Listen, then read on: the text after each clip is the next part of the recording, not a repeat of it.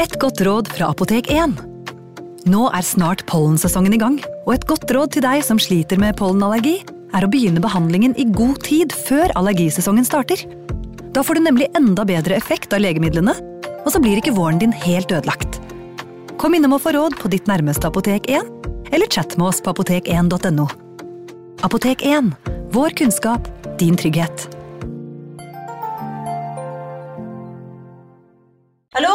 Jeg kommer fra Oslo politikammer. Ine Jansen er purk. Er du purk? The motherfucking bitch. Alt jeg vil, er å finne ut hva som skjedde med mannen min. Jon Carew. Er jeg sikta for noe? Iben Akeli. Det er du. Ole So, Lars Berrum og Big Daddy Karsten. Hvem sin side er du på, egentlig? Anette Hoff, Tone Danielsen, Kommer du fra Afrika? Jørnis Josef, Nesten. Kløfta. Trond Espen Seim, Det er synd å si det, men det var feil mann som døde. Purk. Premiere tirsdag på TV2 Play.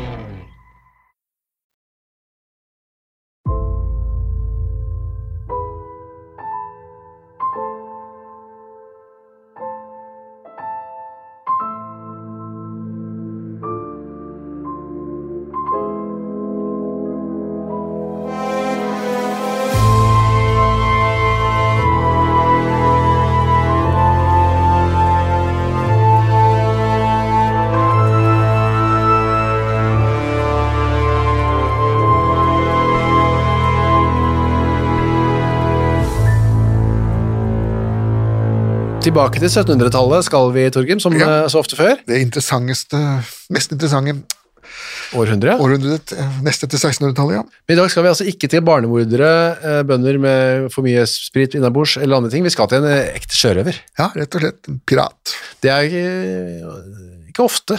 Er det vår eneste pirat? Det er foreløpig vår eneste Foreløpig. pirat. Kommer det kanskje flere seinere? Det er flere pirater ute og går, ja. Er det det? Ja. Ja, det er, det er godt å skulle eh, liksom, ha en litt ny yrkesgruppe, og særlig en sånn sagnomsust uh, yrkesgruppe som sjørøvere var og er. da. Ja da, med, med papegøye på skulderen Ja. og lapp for ene øye. For på 1700-tallet, 17, eh, vi skal jo til 1760 cirka nå da, Ja. så var det sjørøvere i en slags statlig regi ute i, utenfor Norges kyst. ja, for nå pågikk jo da denne syvårskrigen. Eh, Hvor Frank, eh, det var jo som, som så ofte før Frankrike og England mot hverandre, og så alle andre land som da heiv seg på karusellen for å se hvor det var, hvor det var mest hen. Eh, Vi var jo nøytrale nøytrale i den striden der, da. Ja. Vi var krigsprofitører. Det er jo Norges skjebne i historien, det. Ja, det. det er jo en veldig fin posisjon å ha det. Ja, vi var jo det under første verdenskrigen også, Og, og prøvde jo å bli det under napoleonskrigen også, men der var det jo Det skar seg jo da. Ja, dessverre. Ja. Men her var vi lykkelig nøytrale, og, men vi fikk noen sjørøverskip på besøk. Ja, eh, og det var såkalte kaperskip, og det kaperfarten, det var da en, en billig måte å drive krigføring til sjøs på. En eller annen rik kjøpmann, eh, som regel, eh, utrustet da et krigsskip privat, Ja. eh, med kanoner og i det hele tatt. Eh, Så fikk man da en lisens fra sin egen konge om at eh, du kan få lov til å gå til angrep på fiendtlige skip, eh, eventuelt også skip som frakter varer til fienden. da. Ja. Og da får du, hvis en følger dette kaperbrevet her, så får du da status som krigsfange hvis du blir tatt. ja. Du blir ikke hengt sånn som sjørøvere blir, men du blir bare arrestert. Og det godtok man på en måte. Det var en gjengs oppfatning at sånn skulle Ja. være. Og under napoleonskrigene så hadde vi også kaperbåter i Norge. da. Den kaperfarten, det, det, var- det var jo noe av det vi tjente penger på. Eller Norske, norske kaper, Ja, norske, sjørøvere. norske sjørøvere hadde de også, ja. Den mest berømte kaperen var jo Will uh, uh, Kidd, kaptein Kidd. Ja, ja. Amerikanske kaptein Kidd. og uh, Han eh, drev jo som kaperfart eh, til og med i Indiske hav. Inntil han da dummet seg ut og begynte å gå til angrep også på nøytrale skip. da. Ja. Og da ble han tatt og, som sjørøver og hengt. Ja, for da var han bare en en ussel sjørøver. Ja. Da var han plutselig bare en ussel sjørøver. Da var kaperbrevet hans ikke lenger gyldig. Så inn, seilende inn i Kristiansand kom det da i 1761 et, to skip, da. Ja, Et kaperskip, La Volage. Ja, og det pussige er at du kan fremdeles lete opp La Volage på nettet. Det er en sånn egen nettside for eh, 1700-tallets mm. seilbåter. Der finner man La Volage fremdeles. Altså, den er jo sunket, men altså, opplysningen om den, da. Oh, ja, er det det? Ja, sånn at eh, her går det an å, å finne ut av sjørøver affektionados. Ja, det vil jeg tro. Kanskje kommer det flere, blir det flere av dem etter i dag. Mm. For de hadde kapret da, en som het Jacques Pierre var kaptein. De hadde kapret et britisk eh, handelsfartøy da, Cumberland. Som hadde risengryn om bord. Ja, det var jo virkelig et krigsbytte av dimensjoner. Var det det? Eh, nei, det var ironisk ment. Ja. Men eh, man solgte jo disse varene det, det, Man tok skipet, og så um, fraktet det til en nøytral havn, eksempel. Kristiansand? Ja. Solgte risengrynene der, tok pengene. Ja, det- solgte ja. gjerne båten også, hvis det var det om å gjøre, eller tok det med seg hjem. Eh, problemet var hva gjør vi da med det erobrede mannskapet? Ja, de ble bare tuppa i land, og så dere får ordne opp sjøl. Det var ikke noe plikt til å liksom De ble ikke hengt, da. Det var jo fordelen for dem. Nei, nei, men Dette var før Haag-konvensjonen. Man hadde ikke noen sånne forpliktelser overfor krigsfanger i det hele tatt. Eh, Det hadde man jo ikke under napoleonskrigene heller. For eksempel lord Nelson, da, som jo alle syns er en fjonkar, han var jo en ren krigsforbryter som truet med å sette fyr på båter som var fulle av hans egne krigsfanger osv. Ja, riktig. Det, det, var harde tider. Harde tider, ja. Harde menn. Ok, så Risengrunn eh, var helt sånn passe fartøy, men det var, eller fangst, men de tok det i hvert fall med seg. Ja. Inn i Kristiansand, og og da skal det gjøres opp. Det skal, som du sier, selges og ordnes opp. eh, Mye sånne forretninger. For det var en egen konsul, da, en fransk Ja, konsul. vise, visekonsulen, ja. Men et, et nesten, jeg vil påstå, uuttalelig eh, etternavn. Ja. eh, Som jeg ikke skal prøve engang. La oss si fornavnet. Pierre Adam. Det, Det skjer så depré, vil jeg gjette at det var, da, men ja, eh, Han eh, var det if you- say so. Ja, jeg, gjetter på det. Han var der for å ta imot Jobben hans var å ta imot sånne type kaperfartøy og ordne opp, var det det? Ja, og det var en så innbringende jobb, eller, eller hva skal vi si, for den franske stat, en såpass innbringende affære, at de lønnet denne visekonsulen med 2000 livre per år, da, en ganske fyrstelig gasje som Ja. han fikk, og han hadde da tenkt å bli i Norge, og han ble også i Norge. Ja. Og han gikk faktisk så langt at han gikk ifra sin katolske tro og lot seg omvende til protestantismen. da. Denne det de så depré. Ja, du vet, Hvis penger er inne i bildet, så er konfesjonen mindre, Mindre betydningsfull. viktig, ja. Ok, så kom altså da, det var 19. juli 1761, det er deilig sommer, eh, de seiler inn der. Ja. Og da er jo disse mannskapet ombord på La Volage, eh, de må jo da bare slå tida i hjel mens man skal ut, før man skal ut på nye eventyr. Ja, for nå skal som sagt risengryn skal selges, Ja. og eh, disse engelske sjøfolkene skal man prøve å få pælma av gårde. Men du, risengryn, er, altså, er det samme som ris? Ja. Men uh, kokte man ris, hadde man ris til, hva brukte man, bortsett fra Grøt. grøt? Grøt. Risengrynsgrøt? Ja. Det var det? Ja. For man brukte ikke ris så mye sånn eh, i aktivt i matlaging til middag. Ikke i Europa, ikke Europa, men nederlenderne, som jo eh, på den tiden her var i ferd med å besette Indonesia, Ja. de eh, brukte masse ris. Såkalt reistaffel, som de hadde, de hadde lært av indoneserne. da. Eh, En, et kjøkken som var litt mer sofistikert enn det vanlige nederlandske med sursild og herrings. Mm. Sånn at det var i ferd med å bre seg en sånn riskultur på kontinentet. Det det? Men, men i Norge så var det ris, var det grøt. Men for det var ikke poteter heller på den tiden her? Jo, potetene, potetene var her. Kom den, den kom på 1700-tallet? Ja, potetene kom på 1600-tallet allerede. 1600-tallet. Riktignok med en liten sånn Man skjønte ikke helt hva det var man skulle spise, da, så man spiste disse bærene istedenfor og ble veldig syk, men etter hvert så skjønte jeg at det var, det var røttene eller rotfrukten som var greia. Da ble poteten veldig populær. Den meget nyttige matfrukt potates, som det Ja. skrev. Ok, så det, mens man skulle selge den risengrynen, og alt sånt, så var det ok, gutter, dere får gå ut og finne dere et sted å bo. Så drar vi ut igjen på nye eventyr når uh, alt er oppgjort. Ja. Og da var det en av disse Vi kan tenke oss den gjengen som jobber som sånn halvstatlige sjørøvere. Ja. Det er jo ikke Guds beste barn, eller mors beste barn. Nå var nok ikke sjøfolk i det hele tatt Nei. Guds beste barn Nei. den gangen. Eh, Det mest, ja, hva skal jeg si, eh, opprørende skildringen er jo fra mannskapet på Bounty. Ja. Eh, og selv før mytteriet så var jo dette bare en, en samling med voldsmenn og eh, skurker. Folk som ikke fantes til rette andre steder, kan vi tenke oss. Ja, dette var, dette var jo eh, samfunnets eh, avskum, da, som, som ikke eh, Hva skal vi si Det var valget mellom å bli soldat eller sjømann. eh, Det var avheng, avhang vel ofte av hvor du bodde. Altså. Mm, dette er en slags blanding av både soldat og sjømann på, litt. Det er jo nokså typisk at en av norgeshistoriens mest kjente forbrytere, Ole Høiland, Ja, eh, erklærte jo at hans eneste ønske var å bli sjøgutt. hva var det det? Ja, Han ville bli sjømann, han. Men det ble han ikke. Nei, han ble ikke det. Han tok livet av seg på Akershus festning. Etter å ha rømt 19 000 ganger da, Ja, ja, noe sånt. Ok, Michel Parent er vår hovedperson denne uh, uka. Mm. Han var, en han var kvartermester, jeg er ikke sikker på hva det innebærer, men Det er en slags uh, underoffiser. altså Hvis, hvis han hadde vært i, i, i hæren, så hadde han blitt kalt for sersjant. ja, Okay. Uh, Men han er, skal, skal ha en sånn liten over, overoppsyn med de vanlige sjøfolkene. da. Så han var ikke vanlig matros. Nei, han var ikke, ikke vanlig matros, han var en underoffiser. Og han var eh, fra Han var egentlig ikke fransk, som det høres ut som. Nei, det er jo nesten et definisjonsspørsmål. Han kommer fra San Remo. Ja. Eh, San Remo er nå en del av eh, Italia, men det er helt på grensen til, til Frankrike. Eh, ligger langs den italienske rivieraen, Liguria-området. Den gangen eh, så var dette en selvstendig republikk som lå i en konstant og evig krig med naborepublikken Genova. Ja. eh, Som også var en selvstendig stat. Altså, du, du finner jo ikke noe sånn sammenhengende italiensk område før du kommer sør for Napoli. Da.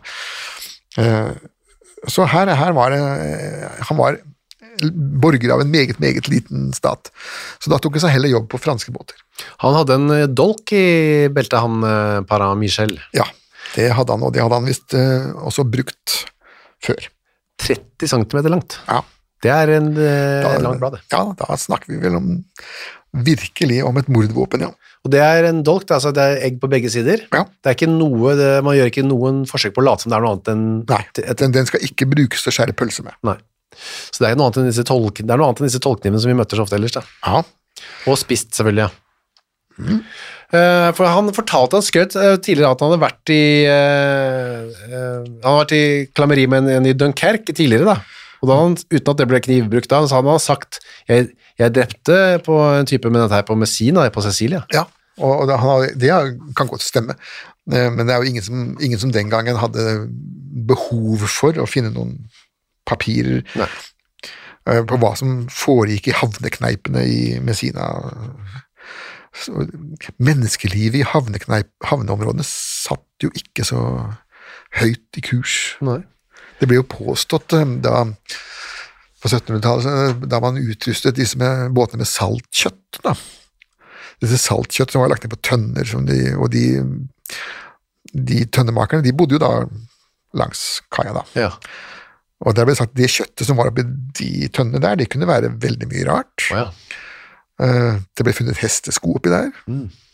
Og som de sa også, at eh, en vanlig mann var ikke så veldig mye verdt hvis han gikk forbi der om kvelden heller. Ah, så de kunne spe på litt med menneskekjøtt? Kjøtt var kjøtt. Kjøtt Og blir det saltet nok, så, så smaker jo ingen forskjellen. Ok, så i dette deilige skjæret av eh, menneskekjøtt og dolker, så kommer altså Michel Parra inn i kvadraturen på Kristiansand. Kvadraturen, ja, så det, her ble jo virkelig en, en, forsvarsløs befolkning utsatt for eh, Ja. Man kan si det var litt rart at, at de ble sluppet i land. Ja. At ikke de norske myndighetene kunne, kunne gjøre, tvinge dem til å bo på båtene sine. Kan dere være snill ikke gå inn i våre fredelige nabolag? Jo, men så var det dette med penger, da, vet du. At for det første så, Dette var jo en inntektskilde for Kristiansand by. Ja. Pengene rant jo inn i forbindelse med salget osv. Pluss at de da betalte jo for seg, de losjerte hos borgerne, som da kunne bruke pikeværelset og få penger for det. Det er liksom på Kvartfestivalen, det kommer masse lugubre typer fra Oslo-området inn og velter inn over de fredsløse. Forsvarsløse Ja, ja. For penger, da. Ok, eh, bortsett fra at han her hadde en 30 cm dolk, da, det har man jo som regel ikke. Hadde ikke. En og annen har jo det òg. Ja, ja, faktisk, ja. Han, de, han Paran, han tar inn hos eh, en som heter Kristoffer Tingsago Mm, tin, tinsar. i åttende kvarter. Jeg vet ikke hva det Ja, det er jo si. det, kvadraturen var den gang delt inn i firkanter, Ja, som blir kalt for kvarterer. da. riktig. Et, det var et slags vertshus, eller var det bare et Nei, rom? altså kvarter, nei, det var, dette var ja, De innlo- innlosjerte seg hos privat, Privatpersoner, ja, i et rom bare. Ja, altså Er det noen her som har et rom til, eh, til, eh, leie, og vi skal selge tonn med risengryn som vi har stjålet, sånn at her kommer pengene til å komme inn. Name your price. Så ser du han som kommer gående der med den dolken, så kan Ja, man for alterna men Alternativet var jo å overnatte på båten, ja, og det var de jo lei av. å bo der, ja. Ja, for disse båtene lå jo ute i, i måneder og, og år, og man ble veldig lei av å ligge i den hengekøya og hammocken og, og lukte på tåfisen til de andre der, og, og i det hele tatt spise skipskost. Det var, Michel var litt lei av ganske mye, han kan det virke som i hvert fall. Ja, og så var han, han var jo tross alt en underoffiser, da. Det var jo ikke noen vanlig båndpropp, lett matros. Han følte kanskje at han hadde behov for og leve livet. Ovenfor gata på i dette rommet hvor han får leid, da, så bor det en som heter Steinar Stavedal. Ja, Han er en norsk bondegutt eh, opprinnelig, da. ja da, han, han kom fra Stavedalen, han. Det var derav navnet. Han bodde i der, eh, huset over gata der. Ja, Han flytta inn for at han, han kunne ikke arve gården, for han var nummer tre av fire sønner, og det var jo ikke noe Da, da, da er utsiktene for å arve veldig lave, da. Ja, han bor sammen med kona si og tre barn. Ja. I litt det huset der, og, og prøver å slå seg gjennom som Som hva da, egentlig? Ja, som, som, som håndverker og handelsmann. Da. Det er Ja. det det stort sett levde av. De kunne jo ikke ha noe gårdsbruk inne i Kristiansand. Nei, nei. 30 år gammel, i hvert fall. Ja. Så er det Det braker løs en eh, dag 26. juli 1761. Mhm. Eh, først så slåss Pará med noen man mener er engelske. Ja. Noen motbydelige engelskmenn han møter. ja, men så viser det seg at det er jo, de, de er jo ikke nødvendigvis det, da. Men han blir i hvert fall så sinna at han sier at han skal drepe hvem som helst med dolken. Ja. Og jeg har, jeg har myrdet før, så bare pass dere, sier han. Ja da. Forbanna fyr. Ja. Eh, Vi kan tenke oss at han drikker litt òg, det er ikke sikkert ikke så litt av det. Eh, her eh, jo-ho-ho og en flaske med rom. Rom, ja. Og senere så begynner de også franske å slåss seg imellom. Ja, Hjemme eh, hos Singsager. Han var først begynt å slåss, så Jeg har lyst på mer. ja.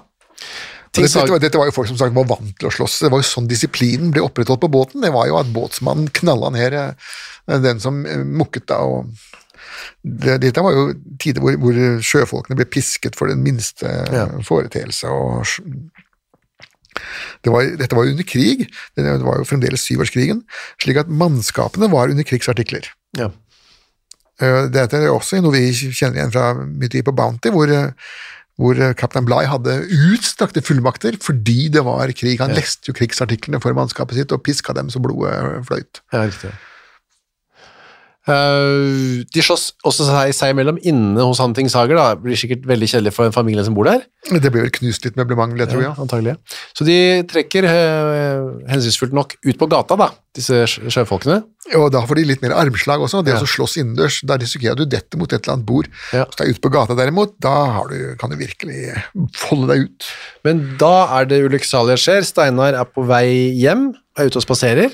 Ja. Og da tenker de kanskje nei, la oss slutte å slåss oss franskmenn imellom. Der kommer det en eh, nordmann. En fiende, ja. En, en annen. En annen, ja, en utenforstående. Ja.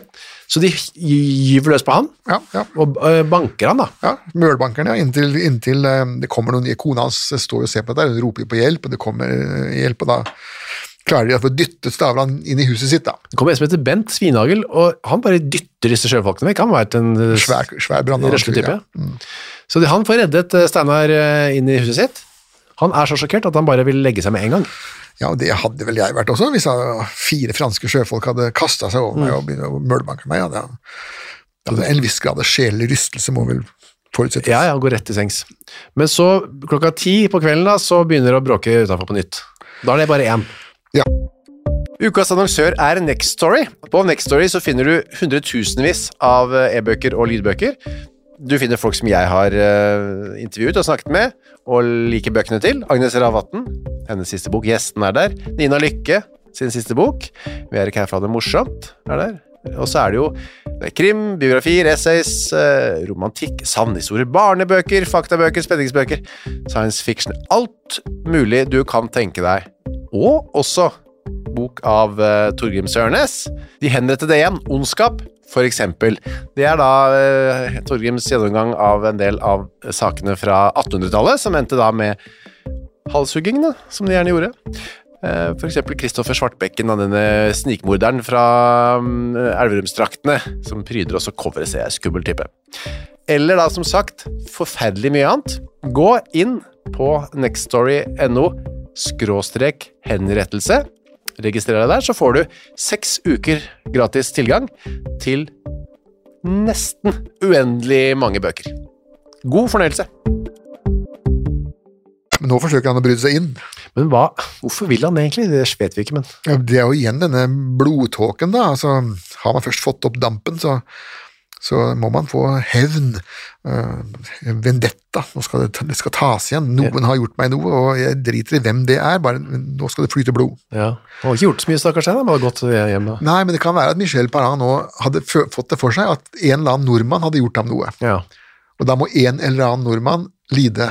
Og Dette er jo tankegangen bak blodhevn, som jo i- iallfall i Sør-Italia fremdeles er aktuelt. aktuelt. Da, at eh, det spiller ingen rolle om det er gjerningsmannen. Nei. Det må være en eller annen av gjerningsmannens gruppe som tas.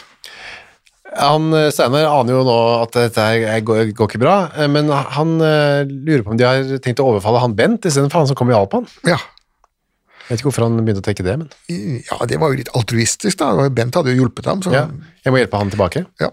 Sånn, gå Går bare i nattskjorta, et, blad, et jåblad, Mm, Og en ganske liten kjepp. ganske liten pinne skal han ut i slåsskamp med. Ja. Et jobla, altså det er bare- det øverste på ljåen, liksom. Ja, altså, han, han har ikke hele Stangen. Han har en et jobla og så en bitte liten kjepp i den andre hånda. Ja. Det er ikke så fryktelig nydende. Nei, det var det våpenet han hadde, da. Ja. Ja, Greit å bare blitt inne, men han går i hvert fall ut. Og Jo, det, står var, det var hyggelig gjort han. Han mente at den personen som reddet livet hans var nå i fare. Jeg må gå ut og se om jeg kan gjøre igjen Ja, det er veldig modig gjort av Stavland. Ja, han, han, det tjener ham til ære, da. Ja, det er absolutt. Men det er også det. Ja, og der står eh, da Michel eh, klar med denne dolken sin. da. Ja, det gigantiske dolken. Han dytter han uh, lynraskt opp mot vedskjulet til Stavland. Ja, og, og kjører dolken i ham syv eh, ganger. Ja. Og mens dette pågår, så skriker Steinar jammerlig. Jammerlig. Ja. Uh, ja. Og det er flere som hører, det er flere som står og ser.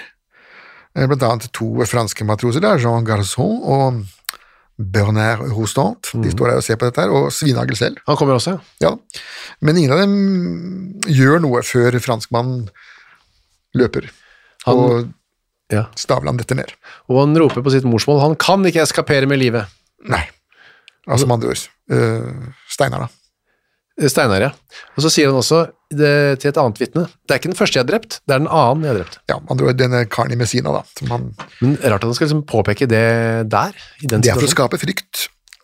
Dette er en sånn interrore. Han, Ja. han, han ønsker å fremstå som så farlig mann som mulig, i håp om at da vil mengden vike til Det er side. riktig, da. ja. Ikke bli den tredje, er det han sier da.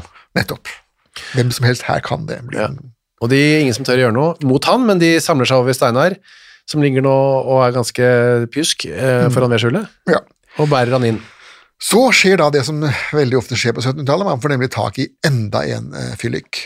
Nemlig, Denne gangen er det da Gottlieb Beyer, som eh, er, var um, statskirurgen i byen. Han eh, blir tilkalt, og han er, ikke, er han full når han kommer, eller? Ja, han, han var omtalt som skrøpelig, uetterrettelig og drikkfeldig. Ja. Og hvis man er drikkfeldig i 1760, da er du drikkfeldig. Da er du non-stop drita. Ja. Han kommer til, eh, til og ser at tarmene til han stakkars Steinar er på vei ut av magen. ja. To kutt i mageregionen pluss uh, en i armhulen, da, og der renner jo, der kappet man over denne arteria axillaris, og da, da blør det. Da blør det rikelig. Det er en svær pulsår, størrelse som en finger. Han dytter tarmen inn og forbinder han, men uh, han får ikke gjort han får ikke reddet han. Nei, og han gjør vel ikke noe heroisk forsøk heller, for det han, det han gjør er jo bare å, forbinde sårene. Altså Det du skal gjøre hvis du har kappet over en pulsår, er jo å gå inn med en tang, en liten sånn tang, og så sette av den pulsåra. Altså. Mm. Klemme den sammen. Problem solved, da kan du slappe av. Ja. Eh, Men det å bare legge et plaster eller en bandasje utenpå en pulsåreblødning er jo komplett verdiløst. Da fortsetter du bare Ja, sånn at, eh, og, og det er litt merkelig at en kar som Beyer, som tross alt hadde fått en veldig betrodd stilling, da, å være statskirurg i Kristiansand, det var jo ikke hvem som helst som kunne bli det. Nei. Så han må jo ha hatt en eller annen form for utdannelse en gang, så jeg vil jo tro at sannsynligvis så var han blitt svekket av, eh, hva skal vi si da, sin hobby. alkohol. Ja. Ja, så der ligger han og blør, mens Michel Paran nå har kommet seg tilbake igjen til moderskipet. da. Ja, La Volage. Ja. Og der går han rundt og babler om at nå har han eh, drept en norsk mann. Skryter nærmest. Ja, Og så hopper han, jeg stikker tilbake til han, jeg. Og så går han på fylla, vet jeg ikke, men han tar i inn på et nytt hotell. ja han, han går ikke tilbake til sitt gamle Nei, losji, nei. nei. nei. Blir, der blir han arrestert um, nei, Så dør jo da stakkars Steinar Ja da, dagen etter, han dør. og um, Blodet renner jo ut og ja, tømmer han for blod. Ja. Men ehm, han blir arrestert. Michel han er jo ikke vanskelig å finne hvis han bare holder seg i byen. da, Michel. eh, Nei, han blir arrestert, men så klarer han da å, å rømme igjen. Kaster Ja. seg i vannet. Uh, dette var jo juli, og badetemperaturen i Kristiansand var vel ikke så gærne, så han svømmer da ut til La Volage. Uh, og der er han da på fransk grunn, på en måte, da. Ja, det, det er han. Uh, I prinsippet hadde dette båten ikke vært fransk, men la oss si islandsk, Ja. Eller eh, noe sånt, så, så hadde man jo bare gått om bord og henta, men, men Frankrike var jo Europas ledende stormakt, Ja.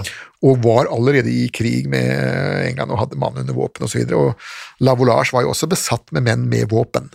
Det var jo tross alt en sjørøverskute. Det var De satt ikke der og, og løste kryssord eller eh, drev med peddik. Så jeg kan forstå at man, man kanskje tok et skritt tilbake og lurte på kan ikke den franske konsulen Kan du bistå her. Hadde de forresten sånn eh, svart uh, Nei, de hadde ikke, de hadde ikke The Jolly Roger, nei. med det hodeskallen? Ja, nei, nei, den, de hadde ikke det. Den var nok mer i Karibien og Ja. i det området der i bruk, da. Synd. Um, ok, så der drar konsulen ut, visekonsulen, og sier hallo, uh, dette er ikke bra. Pagan. Han, Da har han prøvd å gjemme seg. Ja da, men han, men, men han eh, konsulen med det uuttalelige etternavnet, Ja. han eh, holder rett og slett et forhør blant mannskapet og spør eh, alle sammen hva, hva har dere sett. Ja. Han er, blir slags politimester Baldrian i, i forkledning. Ja, Poirot er han også veldig, da. Ja, ja, noe sånt, men mangler kanskje bartene. Poirot og Paran. Han eh, finner også Paran som har gjemt seg der, men han eh, får de lagt i jern og tatt med inn. Ja, og alle mannskapet kan nå fortelle om denne dolken. Den har de sett, den er Parans. De har sett den, han går med den hele tida, han går alltid rundt med den. Ikke bare det, han har tilstått mordet for alle mannskapet, og så kommer da de to uh, matrosene og sier at ja, vi har til og med sett at han begikk mordet. Ja, så det er ikke så mye tvil der. Uh, nei, for den som kan fransk, så, eller ja, sydfransk, da, så skulle ikke dette være vanskelig. Han blir slept inn, eh, para, men han klarer igjen å rømme. Ja, ja, men eh, til slutt så setter de ham i arresthuset, da. Ja. De, de kan ikke ha han på, på båten, de, han blir tatt i land.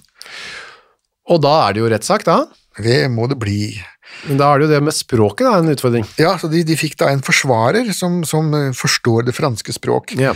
Nå er vi ikke sikker på hvor mye fransk eh, Michel Parrain heller snakket, han var jo tross alt italiener. Ja. Men på den annen side, det var jo Napoleon også, ja. fra Korsika. Så han kunne jo Og han kunne iallfall fransk. Ja. Han øh, nekter jo for alt, da, Michel. Ja da, han, eh, og det, men det blåste man jo bare, bare av. Det var jo såpass mange vitner at det, Og de dro jo fram alle vitnene, alle offiserene, alle matrosene, alle som hadde sett noe, den ene etter den andre. Og de, de fortalte at det var, dette var, dette var Parangtian. Han hadde tilstått at det var hans dolk, og de hadde sett, og i det hele tatt, det var Men dolken også viser seg forbudt i Italia, Spania og Frankrike å gå Ja. med en sånn. Dette var, som de kunne fortelle, at denne dolken her var kjent Dette var eneste, den eneste bruk man hadde for et sånt eh, apparat, det var som mordvåpen. Ja. Og eh, hvis du ble tatt med et sånt våpen på deg i eh, Spania, Italia og Frankrike, så var det i slaveriet. På, og slaveriet i Frankrike, det var jo legalær, det var jo galeiene. Ja. Med båter som lå utenfor havna i Marseille, som kjent ifra Le Miserable. det var jo der Jean Valjean satt jo 20 år på, rodde på disse galeiene da. Rodde og rodde. Uh, ja, så det var uh, Bare det å ha det våpenet på seg var et, et dårlig tegn. Ja, og det, det var onde mennesker og misgjerningsmenn som bar dem i skjul Ja. på legemet, altså concealed weapon. Det er liksom springkniven i dag. Litt den Ja, type. ja, ja springkniven, ja. I grunnen, for at den var skjult. Mm, I tillegg. ja. Ok, men eh, han dømmes, han. Altså, det er ikke noe overraskende. Han blir dømt til livets uh, død. Ja. Han forventet selv uh, en total frikjennelse, for han mente jo selv at han var fullstendig uskyldig. Alle de som vitnet mot ham, hadde tatt feil, de hadde sett feil person, eller uh, noe sånt. Han var eh, som et, som et barn i mors liv. Ja. Det var ingen andre enig i. Nei. Han Faye som eh, dømte han, var s- f- f- byfogden Ja. etter hvert. da. Mhm. Eh, han skal først hogges levende, eh, altså hånden hans Mhm. eh, skal hogges levende av, og så hode og hånd på stake. Ja, og, og her var det igjen en sånn suribus med, med paragrafen, da, for han ble dømt etter, etter paragraf 661, og da skal han bare halshugges og ferdig med det. Begraves i kirkegården osv. Ja. Men uh, her syns jo Faye at uh, i og med at dette var en utlending, da, så kunne man tøye det hele litt og slenge på noen ekstra ting. Ble, det ble appellert, uskyldig, hva sa han, og råds- rådsturetten Ja, eh, gjorde ikke noe annet enn å bare stadfeste. Nei da, de, de gjorde aldri det. Um, men nå hadde da Parang tydeligvis skjønt at um, han slapp ikke like billig unna denne gangen som i Messina. Nei. Eh, Så det han eh, la til da, når han skulle forklare seg, var om han kunne få en katolsk prest. Ja. Eh, For det var jo slik at alle som skulle henrettes, skulle ha en prest. Men den gangen iallfall, og muligens fremdeles, for hva vet jeg, så godtar jo ikke katolikkene protestantiske prester. Nei. De er ikke prester, de er eh, vanlige mennesker. Gjelder ikke, på en måte. Ja, ja, vi har ikke, vi har ikke nattverdsfellesskap med, mellom den katolske og den protestantiske kirke. Nei. Eh, Sånn at eh, det å få en protestantisk prest, det var, kunne du like gjerne lese i en visebok. Det var ikke noe, ikke noe verdt. Så han blir jo til hvert dømt, da, helt opp til Høyesterett, går det? Ja. Og da, når han da til slutt kommer opp til, til eh, disse høye eh, høyere høyesterett, så, så blir stimannsparagrafen igjen, da, 6-9, altså den som at han kan halshugges, og så på steilet, da. 18. desember eh, godtar kongen den dommen, Mm. men da skjønner man Ops, har ikke- vi har ikke noe bøddel i Kristiansand. Mm, Nettopp. Og det var Kristiansands faste unnskyldning. Ja. Trondheim og Kristiansand hadde den forferdelige skikken at de lot bøddelstillingene stå vakant For å spare penger. for å spare penger, og i det håp også, om at det ikke kommer noen flere henrettelser. eh, Men det, det gjorde jo til slutt det, da. Ja. Da, hva gjør vi da, tenkte de. Ja, det var jo amtmannens eh, problem nå, da. Fredrik Adler. Eh, Adler er en litt morsom fyr. Han var jo eh, amtmann i Agder-fylkene.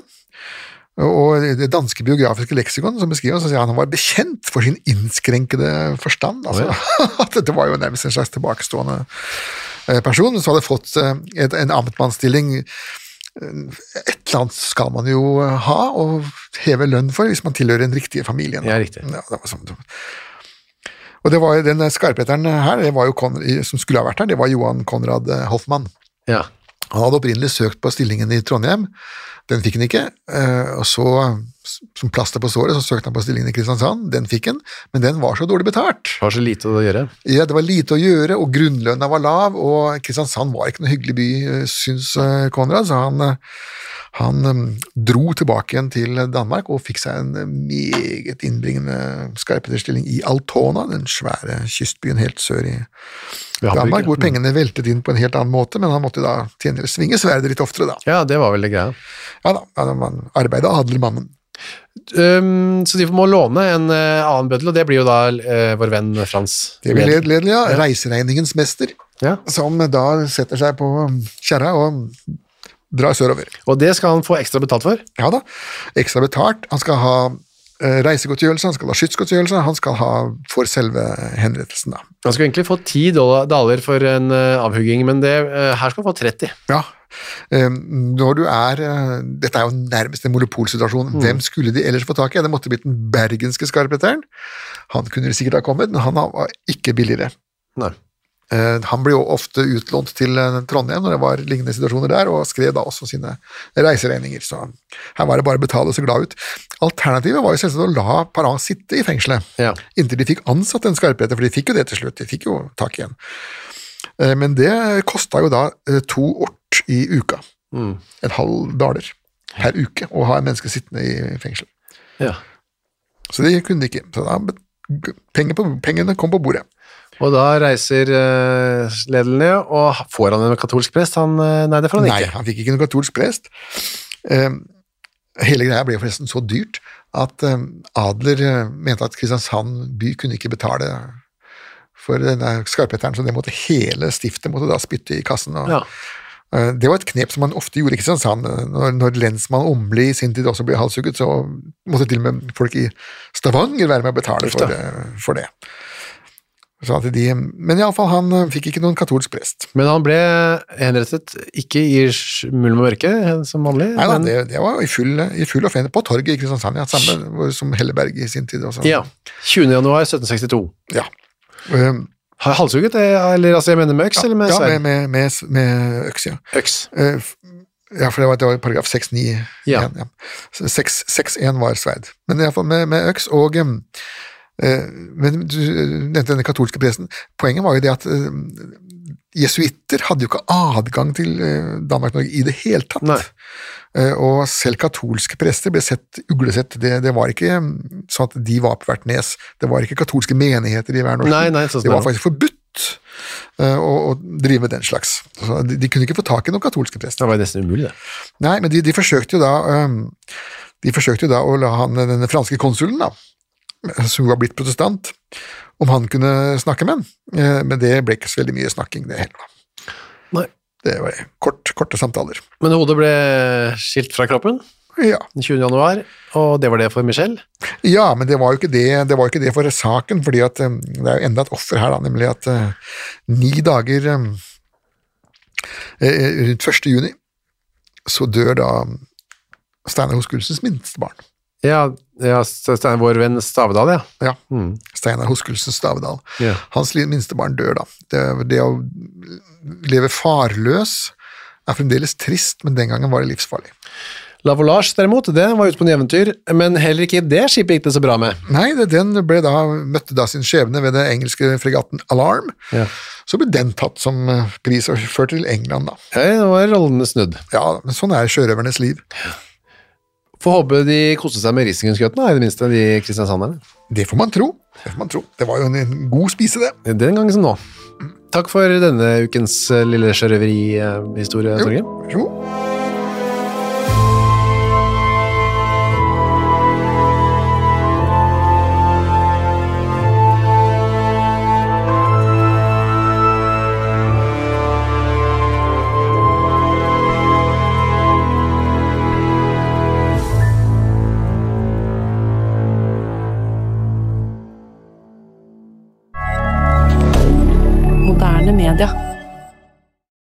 Har du et enkeltpersonforetak eller en liten bedrift?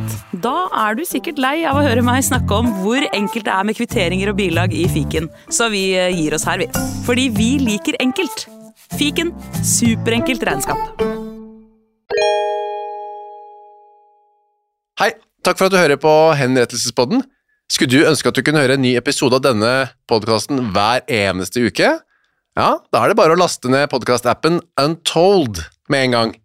I tillegg til at du får da Henrettelsespodden en gang i uka, så får du andre ukentlige podkaster som Historiepodden, True Crime-podden og Gangsterpodden, for å nevne noe.